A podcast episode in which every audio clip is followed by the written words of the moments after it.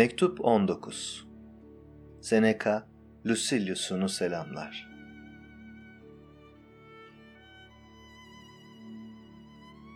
Kulaklarını tıkarsan Lucilius, bilgi olacaksın.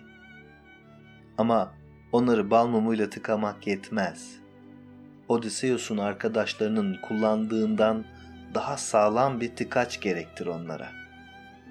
Onların yüreklerini titreten duydukları ses okşayıcıydı. Ama bir halkın sesi değildi. Ne var ki korkulması gereken bu ses bir tek kayadan değil, yeryüzünün her köşesinden çın çın öter. Bu yüzden ayartıcı zevklerden şüpheli bir tek kıyının önünden geçmediler, bütün kentleri aşıp geçtiler. Seni çok sevenlerin sözlerine tıka kulaklarını. İyi niyetle kötülükler dilenir. Mutlu olmak istersen tanrılara dua et de senin için dilenen şeylerden hiçbirisi gerçekleşmesin. Şu yakınlarının senin üstüne ağmasını istedikleri şeyler birer iyilik değildir ki. Bir tek iyilik vardır. Mutlu yaşamın nedeni temel koşuludur bu. Kendine güvenmek. Buna da insan ancak çabayı hor görmekle, çabayı, işi ne iyilik ne de kötülükler arasında saymakla erişebilir. Bir işin kimi zaman iyi, kimi zaman kötü, kimi zaman hafif, dayanılabilir, kimi zaman da korkunç olması olası değildir. Çalışmak, iş, bir iyilik değildir. İyilik nedir o halde?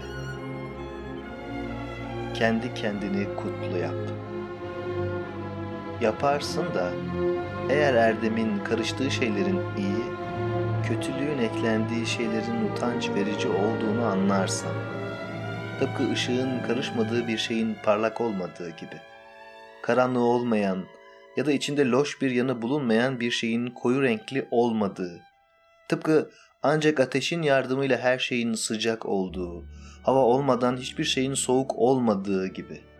İşte böyle şerefli ve utanç verici şeyler ya erdemin ya da kötülüğün kendilerine eklenmesiyle meydana gelir. İyi nedir o halde? Bilgidir.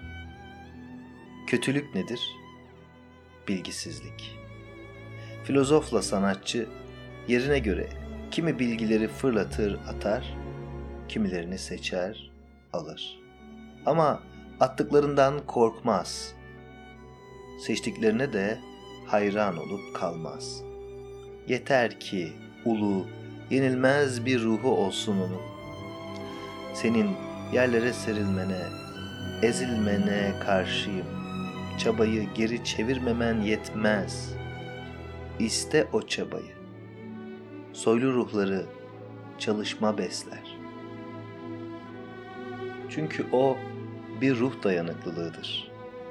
Bu dayanıklılık kendini sert, zor işlere yüreklendirir ve şöyle der. Ne duruyorsun?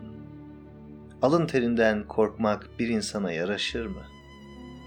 Erdemin tam olması için ona değişmezlik, her yerde kendi kendisiyle uyumlu bir yaşam tutarlılığını da eklemeli. Günden güne kötüye gitmeyen, hiçbir şeyle engellenmeyen bir şey aramalıyız. Nedir bu? Dürüst, iyi, büyük bir ruh. Buna insan bedeninde oturan bir tanrıdan başka ne denebilir? Bu ruh bir Roma atlısının bedenine inebildiği gibi bir azatlının bir kölenin bedenine de düşebilir. Bir Romalı atlı ya da bir azatlı ya da köle nedir? İnsan gururunun ya da haksızlığın yarattığı isimler değil mi? Küçücük bir evden göğe uçabilir insan. Yeter ki kalk ayağa. Sağlıkla kal.